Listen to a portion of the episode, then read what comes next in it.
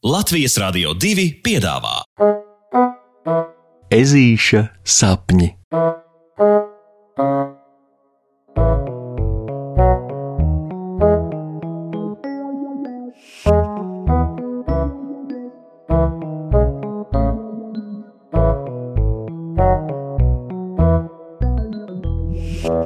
Ezītis mācās pupiņu valodu. Pirmais marts, pirmais marts, pavasarim zemais starts. Hehehe! Gavilē ežulis, skraidot pa virtuvi. Māma taisa gardo pupiņu sautējumu, kas ir viens no puksīša mīļākajiem ēdieniem, tāpēc ežulis jau ir izlēmis, ka šo pavasaru noteikti pie mājas dārziņā jāiestāda vēl vairāk pupiņu. Tad gardo pupiņu sautējuma ņēmumu varētu baudīt, nu, ja ne katru dienu, tad vismaz katru otro dienu, visu nākamo gadu no vietas gan.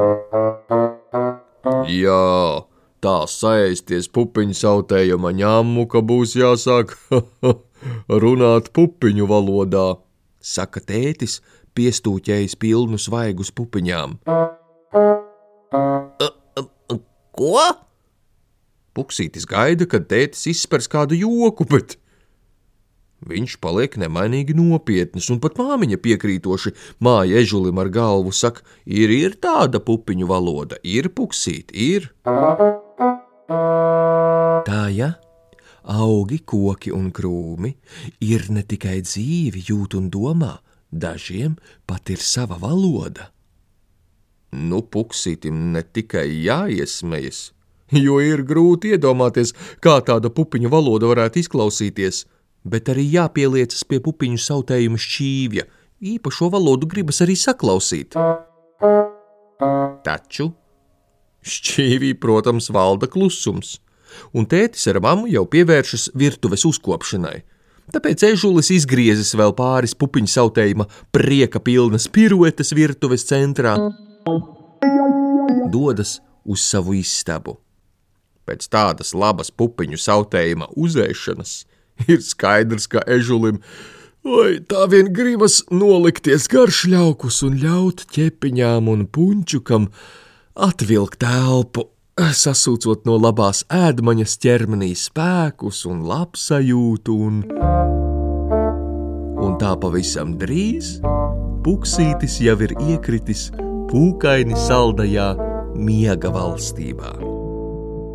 Sapnī viņš augstu palēkdamies skrien pa milzīgu pļavu, kuras pašā centrā aug milzīgs koks.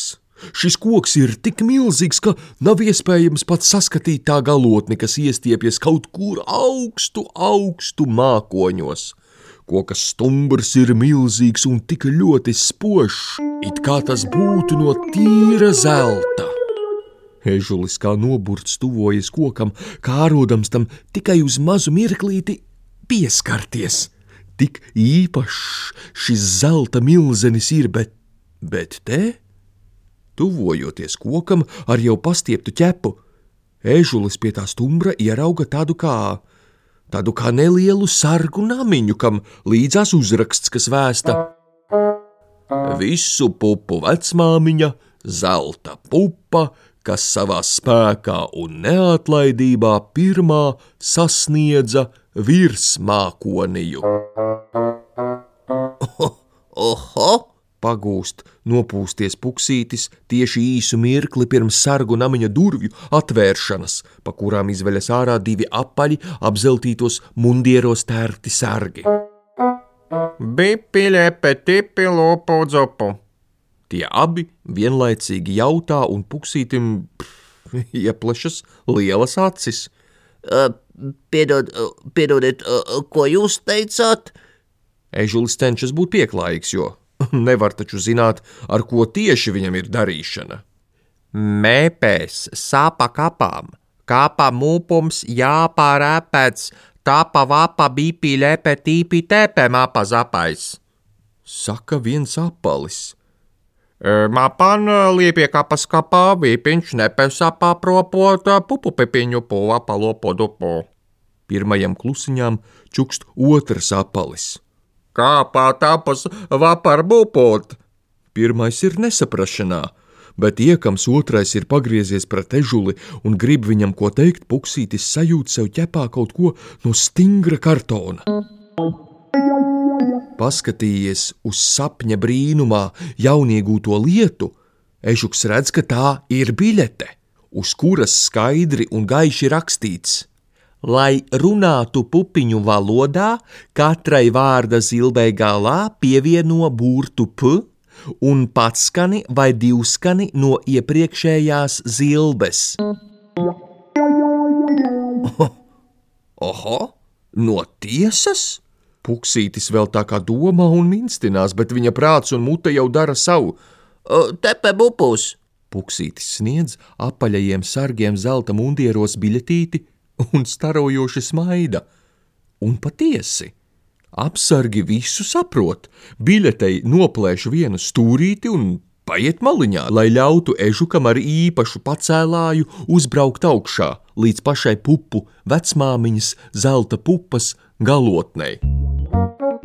Tā sapņu pasaules zelta pupas stīgā līgojoties, Puksītis uzbrauca pašā virsmākonijā kur sapazinies un pupiņu valodā izpļāpājies ar visiem virsmākonijas iedzīvotājiem, nespēja vairs noturēt savu sajūsmu.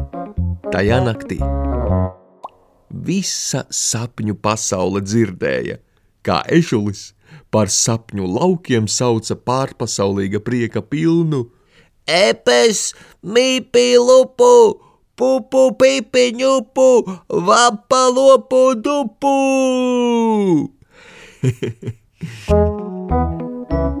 Pasakas beigas ar labu nakti, draugi!